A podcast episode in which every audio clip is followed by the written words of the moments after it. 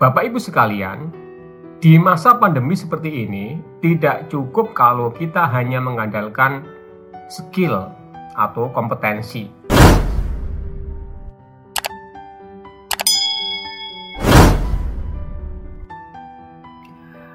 Ada orang yang bekerja ya itu hanya berdasarkan keuntungan jangka pendek. Karena yang menjadi fokus adalah untung-untung dan keuntungan jangka pendek, maka daya tahannya itu terbatas pada keuntungan yang ada di depan matanya, Bapak Ibu sekalian. Energinya dibangun di atas omset materi ya, dan uang dan uang lagi. Tidak salah, tidak salah. Ya. Tapi kalau bisnis atau usaha hanya untuk mengejar jangka pendek, maka sifatnya akan pragmatis dan transaksional, ya. Maka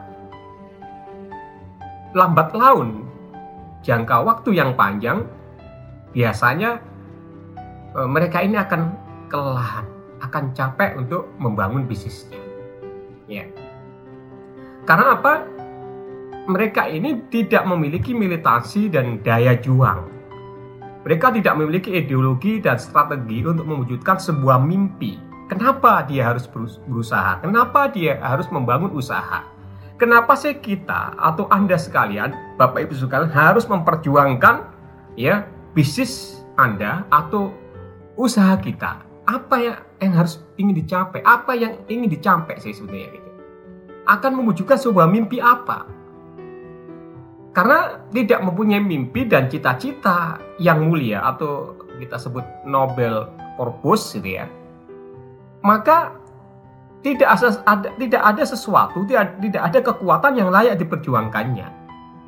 Ya, karena itulah kita perlu visi Bapak Ibu sekalian. Itu supaya kita bisa eksis, bisa bertahan dalam segala cuaca, dalam segala kondisi, dalam membangun suatu bisnis apalagi ketika kena dampak pandemi seperti ini. Ya apalagi nanti ada new normal dan lain-lainnya. Ya karena itu kita sekali lagi butuh visi. Dalam 10 tahun misalnya dalam 20 tahun atau 50 tahun bahkan 100 tahun yang akan datang ya kita ini melihat bisnis atau usaha usaha Anda, usaha kita itu sebagai apa sih? Itu visi, Bapak Ibu jika kita diberikan umur panjang insya Allah ya, kemudian kita bisa melihatnya dalam 10 tahun, 20 tahun, 50 tahun, bahkan 100 tahun yang akan datang, bisnis kita menjadi seperti apa? Coba bayangkan ya, banyak bisnis-bisnis uh, keren, bisnis-bisnis dunia, itu bahkan foundernya ini sudah nggak ada. Tapi bisnisnya tetap merajai, bisnisnya tetap eksis. Ya.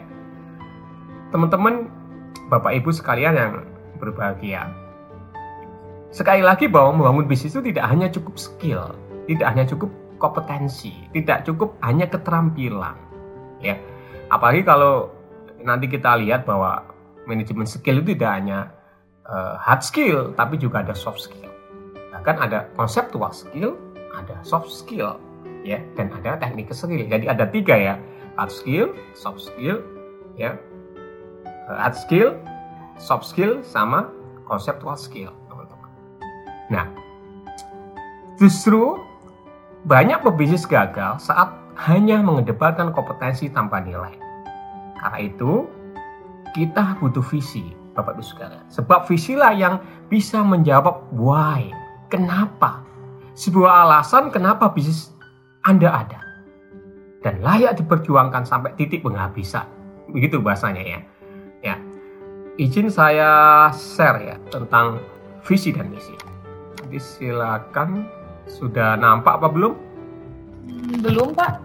Iya, soalnya belum saya share. Oh. Oke, baik. Nah, kalau ini nampak ya?